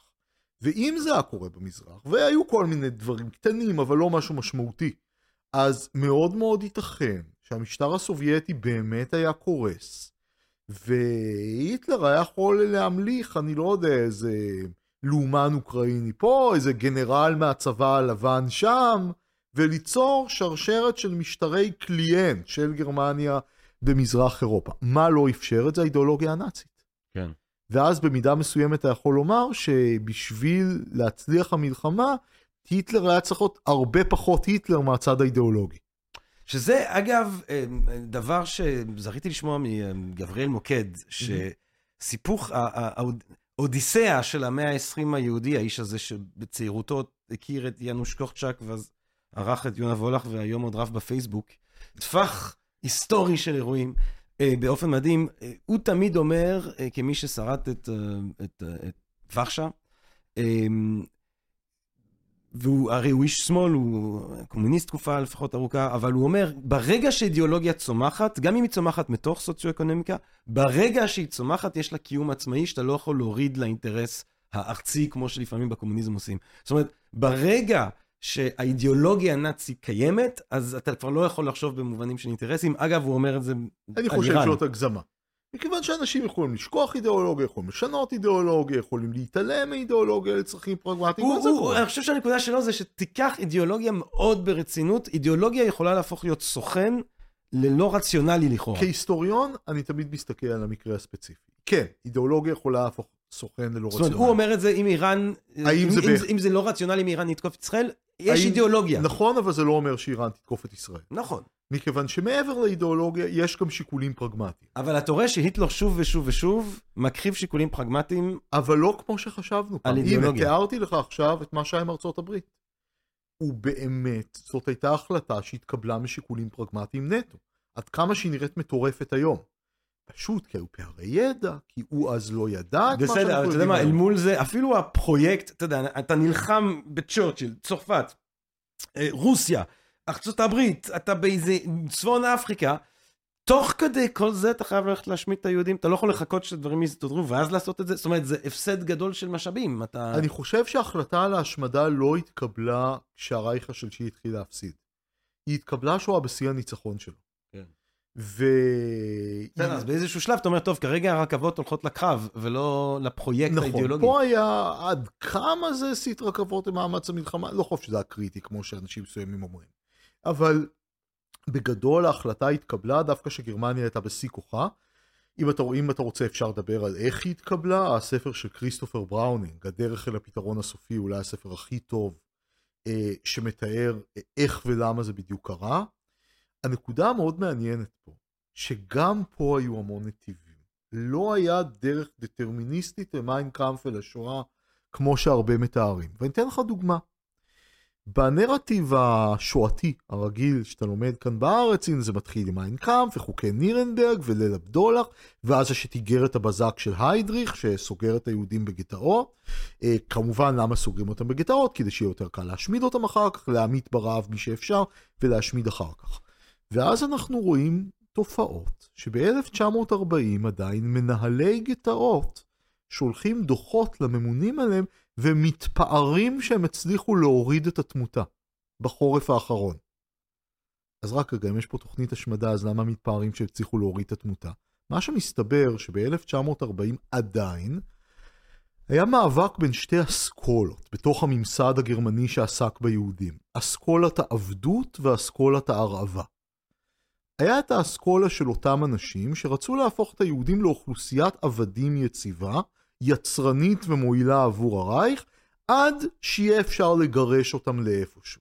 לאיפה? זה לא ענייננו. אלה היו אנשי פרקטיקה שעסקו באותה אוכלוסיית עבדים, וכדי שאוכלוסיית עבדים תהיה יצרנית, אתה רוצה שהיא גם תהיה יציבה, שלא ימותו יותר מדי אנשים. והייתה אסכולת הרעבה, שאמרה, בסופו של דבר אנחנו רק רוצים להעביד אותם עד שהם ימותו, והעיקר זה שהם ימותו ולא שהם יעבדו. ב-1940 אסכולת ההרעבה הייתה מיעוט. מה קורה? נקודת המפנה פה היא מבצע ברברוסה. ברגע שגרמניה פולשת לברית המועצות, מוקמים כוחות אס-אס, שהמטרה שלהם היא לאבטח את העורף של הצבא מבוגדים ומגורמים עוינים. ולכוחות האלה קוראים איינזץ גרופן. האיינזץ גרופן. שזה אה, אה, בגרמנית עוצבות המבצע. הכוחות האלה, אנחנו תופסים אותם היום כוחות השמדה של יהודים, כי זה מה שהם באמת היו, אבל הם לא נוסדו ככאלה, הם נוסדו ככוחות שהמטרה שלהם לומר ליחידות הלוחמות, אתם אל תדאגו על מה שקורה בעורף, אנחנו נדאג לנקות העורף מכל הגורמים העוינים. זה מוסדר בהסכם בין הצבא לאס-אס שנקרא הסכם וגנר-היידריך. היו שני הסכמים כאלה, וגנר ראש מחלקת אפסנאות בצבא, היידריך ראש המשרד המרכזי לביטחון הרייך אה, באס-אס. ועכשיו מכיוון שיהודים נתפסו כגורמים עוינים באופן אוטומטי, אה, אז האיינזצגרופנטוויט התחילו באופן כברירת מחדל לחסל יהודים. זה היה בהתחלה גברים כשירים, אתה רואה איך ההיגיון מתפתח, אנחנו מנקים את העורף, ואז זה התרחב להיגיון ג'נוסידי, גם של נשים וילדים, כסוג של דינמיקה בשטח. ואותו ויכוח שהיה בגטאות בפולין... כן, זה, זה bottom up, uh, זה לא מוואנזה down? לא, ואנזה זה אחר כך. bottom up זה נוצר ברוסיה. באותו הזמן יש בפולין את הוויכוח על הרעבה מול אה, אה, עבדות. ואז קורות עוד התפתחויות. יש משבר מזון. צריך כמה שיותר מזון, זאת אומרת שצריך אוכלוסייה מסוימת שתגווע ברעב. מי המועמדים הטובים ביותר? מן הסתם היהודים. ואז נוצרת עוד דינמיקה שהיא דינמיקה שהיא נוצרת בכל הרייך. כל מיני מושלים נאצים שלא מסתכלים על התמונה הגדולה, או מנהיגי מדינות חסות, למשל וישי, רוצים שאצלהם לא יהיו יהודים. לא מעניין אותם לאיפה הם ילכו. אבל בסופו של דבר איפה שכולם הולכים זה לממשל הכללי בפולין. וששם מתנהל הוויכוח בין ערבה לבין עבדות, כמו שאמרנו קודם. ואומר המושל הכללי אנספרק, אין לי מקום, אתם שולחים אליי את כל היהודים של הרייך, אין לי מה לעשות איתם. וזה לגמרי משנה את הוויכוח. מכיוון שיש לך אוכלוסייה שאתה כבר לא יודע, אין לך אוכל להאכיל אותה, שאתה ממילא בוזז אוכל מהפולנים וממית אותם ברעב. באותו הזמן בדיוק, מופסקות המתות החסד. יש המתות חסד של נכים, יש מחאה קתולית, זה לא ממש מפסיק אותם, אבל זה מאית אותם. ויש לך קאדר שלם של רוצחים, כולל כאלה שממיתים בגז, שבדיוק הסתיים להם פרויקט והם פנויים לפרויקט חדש. פלוס בברית המועצות יש השמדה מהשטח, שכבר מתרחשת. בכל הרייך מגרשים יהודים, נוצר לחץ על הממשל הכללי, ואז כל זה ביחד משתלב להחלטה להשמיד את כל ו... יהודי אירופה. אידיאולוגיה. ברור. בבסיס, בלמעלה, אבל בלמטה. האידיאולוגיה הייתה... אתה יכול לשלוח אותם לפלסטינה, אתה יכול להרוויח על לא, זה כסף. לא, אתה לא יכול. תוכנית מדגסקר נכשלה. כל הניסיונות שהיו קודם של גירוש המוני לא הצליחו. וגם זה היה אחד מהשיקולים בקבלת ההחלטה. האידיאולוגיה הנאצית הייתה יכולה להסתדר באותה מידה עם גירוש המוני. ההשמדה, ההחלטה על ההשמדה התקבלה כשאופציות הגירוש למעשה נסגרו. זאת אומרת, לא הייתה אופציה של גירוש. לא כשהתקבלה ההחלטה על ההשמדה. לא גירוש המוני לפחות. וההחלטה על ההשמדה הייתה שילוב של כל אלה. עכשיו, אם חלק מהגורמים האלה לא היו, תאר לך שלמשל אה, הייתה דינמיקה שונה בערים של הרייך, וכל מיני מושלים נאצים היו חושבים, וואלה, דווקא כדאי לנו שיהיו פה יהודים שינקו את הרחובות. אני לא יודע. ואז לא היה את אותו הלחץ על הממשל הכללי. יכול להיות שדברים היו מתפתחים באופן שונה, ושאסכולת העבדות הייתה מנצחת את אסכולת ההשמדה. מה שקרה, מה שבראונינג מתאר, שבפועל אסכולת העבדות ניצחה, ואז הייתה התערבות מלמעלה, מהיטלר, שלמעשה הפכה את הוויכוח. הייתה החלטה על השמדה שהתקבלה מלמעלה, והיפכה את דינמיקת הוויכוח שהיה בתוך פולין. Mm. אז זה כן מאוד יושב על החשיבה הזאת של היטלר עצמו. בסופו של דבר כן, אבל היא לא הייתה בחלל ריק, מכיוון שהיה לך את אותו כן. היטלר ב-35, והוא לא החליט על זה לשמדה. היה דלק, אבל היה צריך מישהו להצית. אבל היה גם דלק. בוודאי, אין שום ספק. לכן מעניין. אני חושב שאם נגיד היטלר היה נרצח ב-39, כנראה לא הייתה השמדה. כי, כי לא היה את הדלק, אז היו פוגרומים, היו רדיפות, היה הרעבה, הייתה עבדות, מה שאתה רוצה. כנראה לא הייתה החלטה. אני אגיד לך מה, מהתיאור ש... וואי, אתה יודע מה, מרתק כאן ברמה שאין לי מושג... אה, תובל, אתה עוקב כמה זמן? כמה זמן? אה, וואו. אה, כיף, טירוף מה שקורה כאן, טירוף, טירוף, טירוף. אה, מהתיאור שלך את כל, ה, את כל הפרויקט, את היטלר, עם ה-double or nothing, double or nothing, ובסוף אפילו משהו שקצת מזכיר פונזי סקים באיזשהו אופן, שאתה כבר, אתה כבר עושה אקרובטיקות כדי לנסות לתחזק איזה משהו שהוא לא בר קיימא כבר. כי אה, אם, אם ככה הוא חשב, אז מאוד מהר אתה מגיע למשהו שכבר לא יכול לעבוד, אתה כבר לא יכול, אתה להתחיל עוד מלחמה ועוד מלחמה, וכל בדיוק. פעם אתה נתקע, בסוף זה קורס, אבל זה חייב טירוף- לקחוס. זה טירוף מצטבר. זה סדרה של החלטות שיכולות להיראות רציונליות כל אחת בפני עצמה, אבל כשהן מצטברות, הן מגיעות לאיזו מלחמה ש... שאי אפשר לצאת ממנה, והיא הרסנית לגמרי, ו... ואני אומר לך משהו. הדבר הראשון שאני חקרתי הרי זה היה את הקושרים האנטי-נאצים בצבא הגרמני. ואנשים שהם קצינים בכירים בצבא, כמו בק, כמו שטאופנברג, אנשים שהיו בראש אותה תנועת התנגדות, אה, כמו טרסקו, הם לא היו קוטלי קנים, אלא אנשים שהם לא היו פציפיסטים, הם בהחלט היו מוכנים להילחם למען הרייך המלחמה בסגנון מלחמת העולם הראשונה, הם בהחלט היו מוכנים להרוג פרטיזנים, הם בהחלט היו מוכנים לעשות פעולות תגמול אכזריות נגד מקומות שפרטיזנים הגיעו מהם. ואם אומרים לי שאיזה עיירה יהודית מגיעים ממנה הרבה פרטיזנים, אז, אז תגרשו את התושבים של המקום אחר. לא היה להם בעיה עם שלטון צבאי מאוד קשה שהוא למען המלחמה, ולא היה להם בעיה עם מלחמה. אבל הם פתאום מצאו את עצמם במלחמה, אמרו, מה זה הדבר הזה? גם הבחינה של המלחמה, איפה ההיגיון האסטרטגי? איפה השלום שנמצא מעבר לפינה? איפה מטרה צבאית ברורה? איפה אנחנו יוצאים מה, מהרכבת הזאת, כאילו. כן, וגם העניין עם היהודים, שהשואה הייתה מניע מאוד מאוד משמעותי אצל האנשים האלה, בניגוד למה שנהוג לחשוב. אה, אמרו, כן, אנחנו מוכנים לאיזה פעולת תגמול למקום ש... אבל להשמיד עם, כולל... מה זאת? מה זה הטירוף הזה? זה, זה לא חלק משום פרקטיקה צבאית שאנחנו מכירים. זאת אומרת, יש פה איזה ממד של טירוף, שהוא עולה על המלחמה הרגילה, אבל הוא לא נוצר ברגע אחד. הוא תוצאה של הרבה החלטות שכל אחת מהן כביכול נראית רציונלית בפני עצמה. אבל האם אפשר לחשוב על היטלר, כאילו, בסוף באמת יש את האיש הזה למעלה, בסוף באמת יש את השאלה, אה, יש את השאלה של הדטרמיניזם, של האי-דטרמיניזם, הן שאלות מטאפיזיות, הן שאלות היסטוריות. יש פה גם את השאלה של מה שקורה בתוך הראש של איש אחד מאוד ספציפי. זאת אומרת, אם אנחנו מדברים על כמה זה רציונלי, כמה זה uh, well adapted to the circumstances, כמה זה כאילו מותאם ל, ל, ל, ל, ל, לתנאים בשטח, כמה זה מגיב בצורה הגיונית למהלכים, וכמה זה טרפת. אידיאולוגיה, חזון משוגע של בן אדם לא מאוזן בשום צורה. אבל אז אתה יכול, צריך לשאול את עצמך, וזו אותה שאלה שאנחנו שואלים על סטלין, או על אנשים אחרים שכאילו מגדירים אותם כמשוגעים. זה לא רק אדם אחד. וכל האנשים שהלכו אחריו, מה, הם לא היו שפויים?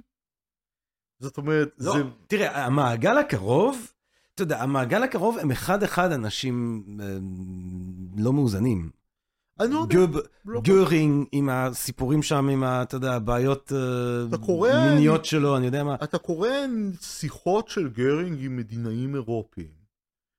עכשיו, הוא לא נראה בן אדם סימפטי, כן. אבל הוא כן בן אדם שמבין פוליטיקה אירופית. כן, ו- לא, אני לא אומר שהם לא רצ... זה לא שהם לא מסוגלים לשקול שיקולים ולקבוע החלטות עם היגיון מסוים, אבל הכיוון הכללי, יש שם, יש שם באמת משהו מטורף. אני לא אוהב להשתמש בזה כהסבר. אז כן, נניח שהיו עשרה אנשים מטורפים. אבל עשרה אנשים לא מניעים מדינה. כן, אתה צריך הרבה ציוץ. מאוד כן, אנשים, כן. שלא רק ציוט, ציוט לבד לא עובד. לא, אתה גם צריך את התגובה. תראה, זה משהו שהוא נורא מעניין. אני בדיוק השבוע קראתי משהו על ה... דווקא באומנות, על uh, reception theory in aesthetics. um, שבו אם אתה נגיד חוקר, אתה יודע, יש, יש איזשהו דימוי רומנטי של הסופר כפורץ דרך ומייצר איזשהו עולם חדש, ואז הקהל בא אחריו, ודווקא האסכולה הזאת, שאגב, בצורה מעניינת, מי שפיתח אותה קודם היה ופן אס אס, לפני שהוא נהיה חוקר ספרות, אה, אז הוא בא ובודק את, ה, את האופן שבו הסופר כבר מצפה לתגובה מהקהל שלו. זאת אומרת, אם אתה קורא את דון קיחוטה, אה, אה, אתה יכול לראות את איך שסרוונטס תופס את הקהל, הוא חושב על הקהל, הוא חושב על הקוראים, והוא כאילו, וזה נכנס לתוך הכתיבה. עכשיו, אתה גם רואה את זה מאוד היום עם uh, טראמפ וטוויטר, בצורה מאוד מיידית. טראמפ יכול בתחילת הדרך לזרוק רעיונות, ומיד לראות בטוויטר מה מקבל הרבה לייקים, מה מקבל פחות לייקים, וללכת עם הקיר ולבנות את הקיר, וזה לא... אותו דבר היטלר כשהוא עושה את הנאומים האלה. זאת אומרת, עוד נאום ועוד נאום ועוד נאום, זה כמו סטנדאפיסט שמבין איזה בדיחות מצחיקות, הקהל גם מייצר שיח מסוים. אנחנו אבל אפילו לא מדברים על זה ברמה הזאת.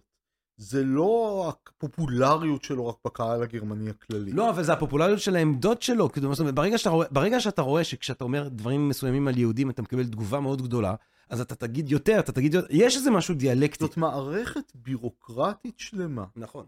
זה כמובן. שאנשים שהיו מאוד רציונליים, והם עבדו לפעמים גם לפני הנאצים, והם המשיכו תחת הנאצים, כי הרבה פעמים החליפו רק את האנשים ברמות העליונות ולא בכל רמות ההיררכיה. ואפרופו, אחרי 45, הרבה הם הופכים להיות דמוקרטים. נכון. אה, אז... הרבה מהמשטרה אה, נשארה. זה לא היה עובד אלמלא היה רציונלי להיות נאצי. אבל בכל זאת אתה צריך... לכבוש את רוסיה זה טעות אידיאולוגית. נכון, לפלוש לרוסיה זה פשוט טעות. אבל תחשוב על זה מנקודת המבט של אז, של איך זה נראה מאותו הרגע. אני במלחמה מול בריטניה שאני לא יכול לסיים. סטלין כנראה יתקע לי סכין בגב באיזשהו שלב. כל עוד ברית המועצות עומדת על הרגליים, בריטניה לא תפסיק את המלחמה. למה שאני לא אקח את היוזמה? עכשיו, תזכור שהגרמנים ראו קודם כמה רע הסובייטים תפקדו במלחמה מול פינלנד. זה מה שהניע את היטלר לומר, ביחד עם חוסר הפופולריות של המשטר הבולשביקי, כן. אם תבעט בדלת כל המבנה הרקוב יתמוטט לרסיסים. תוסיף לזה הערכות מודיעין שהיו לא נכונות, והמעיטו בכוח של הצבא האדום.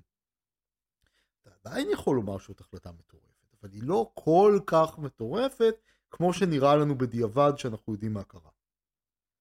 Hmm. תמיד תסתכל על זה מנקודת הראות של אותו הזמן. נסה בלי ידע בדיעבד, ואז דברים נראים שונה. לא בהכרח תגיע למסקנה שונה, אבל לפחות הדברים יראו יותר מורכבים. עכשיו אני רק רוצה לומר משהו על הקטע הזה של רציונלי, להיות נאצי. אני תמיד, ובספר האחרון שלי בפיוג'יטיבס, אני עוסק בשאלה הזאת מאוד בהרחבה, אה, תמיד אמרו שהמערכת הגרמנית אחרי 45 הייתה עמוסה ומלאה בנאצים לשעבר. Hmm. מלאה בכל טוב, כאילו, אתה יודע, לא רק חברי מפלגה נאצית, גם אנשי אס אס, גם פושעי מלחמה, גם אנשי גסטאפו, אתה יודע, כל מה שאתה רוצה היה. ולכן, אתה קורא את העיתונות של ה... אתה יודע, העשורים הראשונים של המלחמה הקרה, בטח פה בישראל, אבל גם במערב. אתה כל הזמן רואה מנבואות שתכף יקום הרייך הרביעי. ואחר זה גם נשמע מאוד הגיוני, הכל שם נאצים. ואז אתה שואל את עצמך, אז רק רגע, למה הם לא נוקטים במדיניות נאצית? כל אחד בתחום האחריות שלו. והסיבה, והעניין היה שכבר לא היה הגיוני להיות נאצי אחרי 45. בגלל התבוסה. אז גם מי שהיה קודם, והוא אדם ריאלי, מתאים את עצמו למציאות החדשה. ולהיות נאצי זה מהר מאוד אומר להיות חלק מאיזה קבוצת שוליים. אבל הנאציזם של היטלר... מהאופנה. הנאציזם של היטלר היה מבוסס על המיינסטרים, ומפה היה הכוח שלו. איפה, איפה, איפה אתה רוצים אנשים לראות אם יש סכנה נאצית באמת? תסתכלו על האנשים המכובדים. אם זו תנועה שבעל המכולת השכונתי המכובד, האהוב על ידי כל הקהילה, לא יכול להיות חלק ממנה, אז היא לא באמת מסוכנת. Hmm. תנועה של גלוחי ראש, בריוני רחוב, היא יכולה להיות מטרד חמור, אבל היא לא משהו שיכול לתפוס את השלטון. Hmm. הנאציזם לפני 33 היה בדיוק תנועה שבעל המכולת המכובד היה יכול להיות חלק ממנה. כן. מעניין מאוד. מה אתה, מה אתה חושב, אתה יודע, יש את הסצנה הנורא אה, מפורסמת מהאונטרגן, מהסרט הגרמני המופתי הזה בבונקר, כן. ואז עושים את ה... אה, אה, אה, עושים אותה, ich habe ganz Europa verobert! וזה, ומצלמים, ועושים מזה עם תרגומים על... אה, בוודאי, חנייה אני- בתל אני- אני אביב. משוגע על זה. אמ, מה אתה חושב, הם הסתכלו אחורה. היטלר בשלב הזה הוא כבר בקושי איתנו, אבל הקצינים, האנשים שעוד חשבו שיש סיכוי, האלה שהיו איתו בהימור המטורף הזה, double or nothing, double or nothing. מאוד מאוד קשה לעזוב את ההימור בשלב הזה. כן, אה? זה, זה, הס- זה, זה באמת, זה כמו, אתה עושה double or nothing, double, אתה משחק פוקר, ואתה, ואתה יודע, יש לך הפסד של 10,000, אתה אומר, טוב, יש לך הפסד של 20,000, יש לך הפסד של 100,000, יש לך... שיש לך הפסד של מיליון, אתה מבין, הפסדת כבר את הבית, את האוטו, את הילדים, אתה מבין ש... זה נורא. מי שמהמאזינים שלנו אולי מכיר את האפוס ההודי, מהבהרתה, אה, ודאי מכיר את הסצנה הקלאסית שהגיבור, שהוא כאילו מושלם מבחינה מוסרית, חוץ לפגם אחד, הוא מכור להימורים. Hmm. משחק בקובייה ומפסיד את כל מה שיש לו, אז הוא מפסיד את הממלכה שלו, והוא מפסיד את הרכוש שלו, ואז הוא מתחיל למכור את האחים שלו, כי הוא לא מסוגל כבר לצאת מההפסד, ואז הוא מוכר את עצמו, ואז הוא מוכר את אשתו בסוף. ואז היא טוענת שהמכירה שלה לא תקפה, כי כבר אחרי שהוא מוכר את עצמו, הוא לא יכול למכור אותה, אבל זה אומר משהו על הסדר עדיפויות שלו. בכל מקרה, הסצנה הזאת מראה סצנת משחק הקובייה, סצנה שכל הודי מכיר, כל כך יפה, כי היא מראה שכשאתה כבר בהימור, אז כבר איבדת את כל הממלכה שלך, אז לא תיקח עוד סיבוב ותהמר על האחים שלך, כדי אולי להחזיר את מה שאיבדת, כלומר זה, אתה נשאב פנימה, זה כמו טורנדו. התעוררות קשה, אבל, אה? כן. בסופו של דבר, את, אה, צריך לראות את האנשים אחרי התבוסה. אחרי 1945, ואני אתן לך דוגמה מה הלם של תבוסה עושה. מה ההתעוררות הזאת עושה. זה לקוח מהספר החדש שלי. הייתה בשנות ה-50 מפלגה ניאו-נאצית במערב גרמניה, שהייתה יחסית זכתה בהצלחה אלקטורלית יותר מאחרות.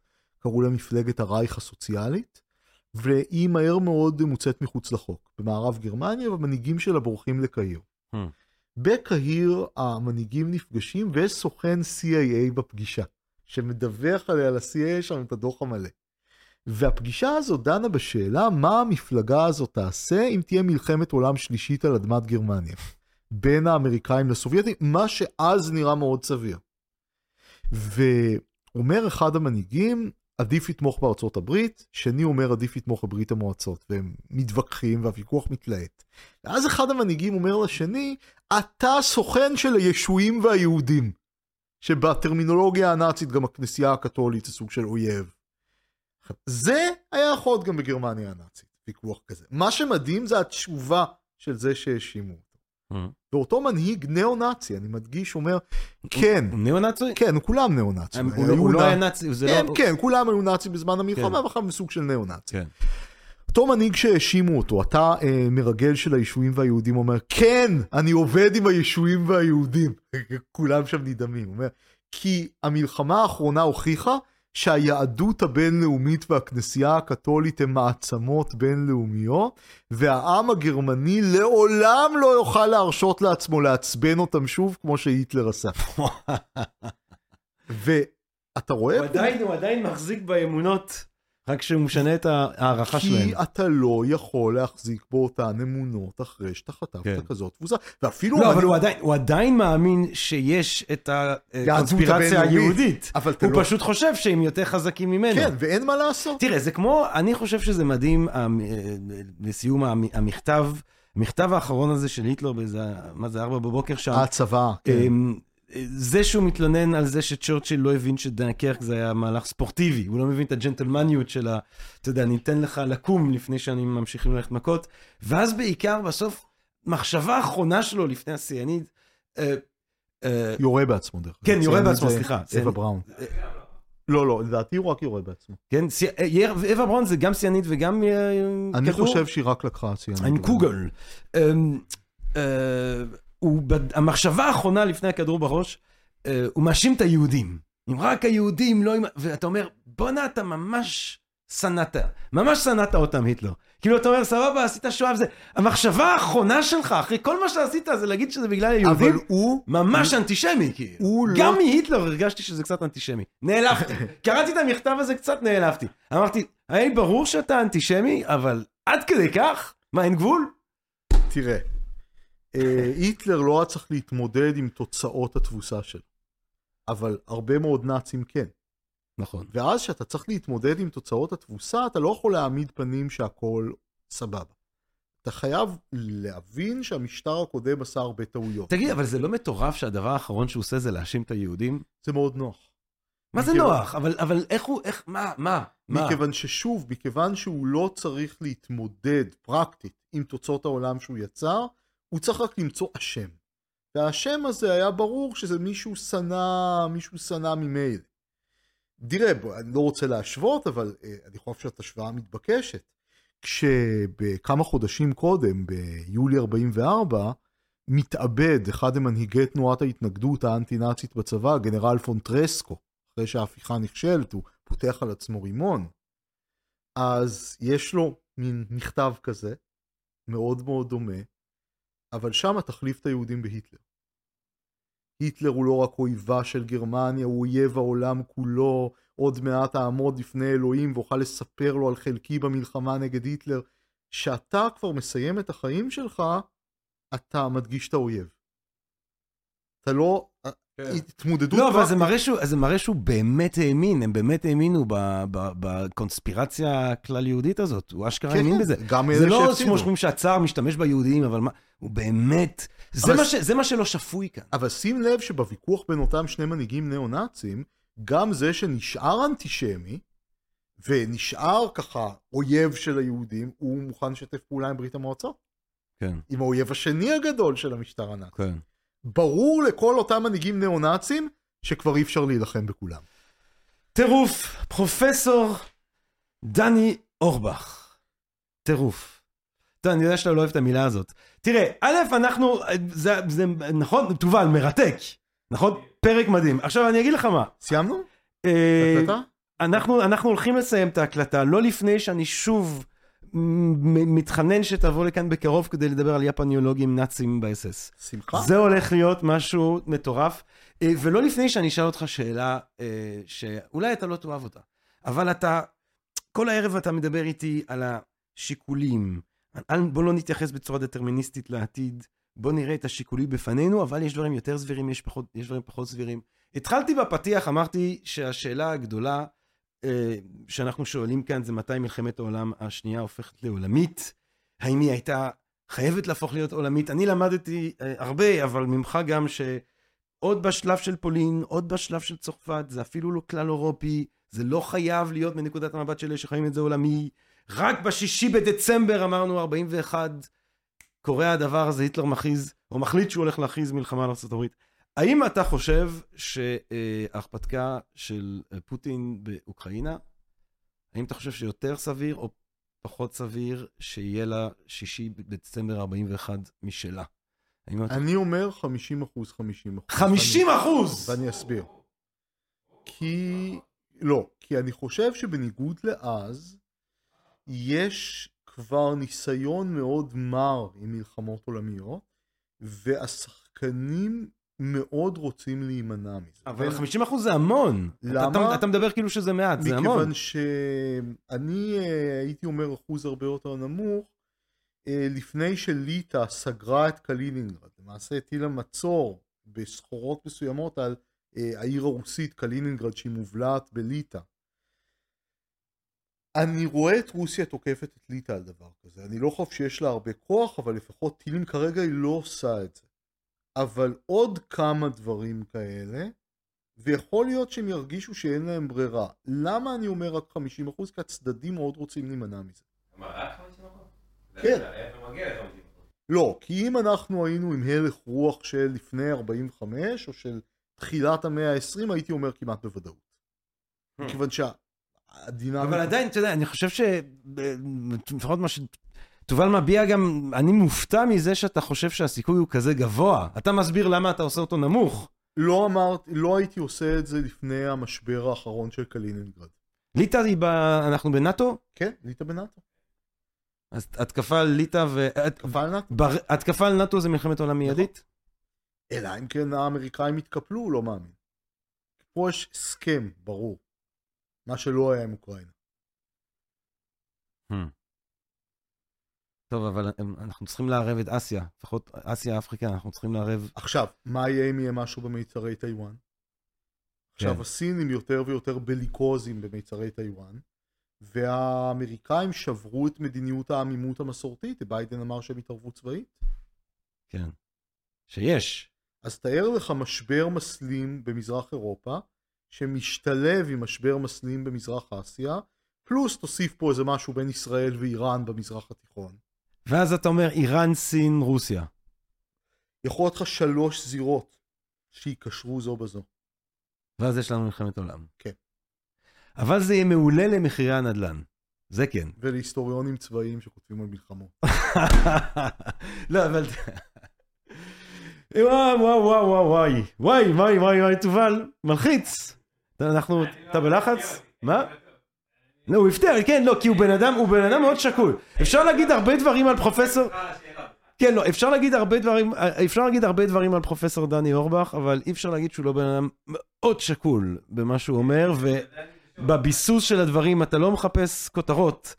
אה, אתה אומר את הדברים, ואתה, מרוב שזה מרתק, זה הכל מה שאתה אומר זה כותרת, אבל אמ, זה יותר ממה שהייתי מצפה. כן, זה יותר ממה שציפיתי. אתה פסימיסט. לא תמיד, תלוי המצב. פרופסור דני אורבך, אה, בשביל אירועים כאלה צריך לעשות את, ה, את, ה, את הפודקאסט הזה, תובל רוזנבסר מ-Think and Different. מי שרוצה לשמוע עוד מהמחשבה המרתקת, כי זה היסטוריון חושב, זה מה שמעניין פה, זה אתה, אתה נותן, אתה כמובן שוחה בעובדות, אבל יש פה היסטוריוגרפיה עמוקה, יש פה הנחות לגבי האופן שבו ההיסטוריה משתלש, אה, משתכשרת ו- וקורית ומתרחשת, יש פה... אה, איזה כיף, איזה כיף. זה קצת כמו לקרוא טוקידידס, אנחנו פה בהיסטוריה הגדולה. אמ, אה, מי שרוצה לשמוע עוד מפרופסור דני אורבך מוזמן לסקרינס, נכון? זה שיתוף פעולה של Think and Drink Different. אה, כן, יש גם את הסדרות על מלחמות ב-Think and Drink Different, יש סקרינס, אפשר לבוא לשמוע אותך. אה, פרופסור דני אורבך, אפשר לקרוא אותך, ובעיקר אנחנו נעשה פרק על יפנולוגים נאצים באס-אס, יפה שעה אחת קודם, אני רוצה מאוד להודות לך. היה מרתק. תודה רבה. היה ממש מרתק. תודה ג'רמי. תודה דני. Uh, ותודה רבה לכם, הקהל הקדוש של הפודקאסט של Think and Ring Different. מקווה מאוד שנהניתם מהפרק הזה, מרגיש שנהנינו מהפרק הזה, לפחות כמו שאני נהניתי ממנו. Uh, מקווה מאוד שתהנו מהפחקים הבאים שבעזרת השם נקליט. Uh, מה אני אגיד לכם בינתיים? הלוואי שאנחנו ניפול בחמישים אחוז בטווח האפשרויות שבה לא תהיה מלחמת עולם, ואולי אפילו קצת שלום אה, לשם שינוי. אה, אבטלה, אני, אני מקווה, תראה, אתה לא תהיה מובטל גם ככה, אה, גם אתה כבר פרופסור תקן, אבל גם היו מלא מלחמות שאתה יכול לחקור. ברור. אתה מסופק.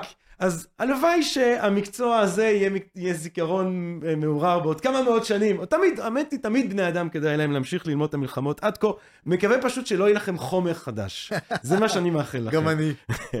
אה, ומה אני אגיד לכם? אז רק שלום, בריאות, אהבה רבה, ונשתמע. תודה רבה. פודקאסט, פודקאסט, פודקאסט.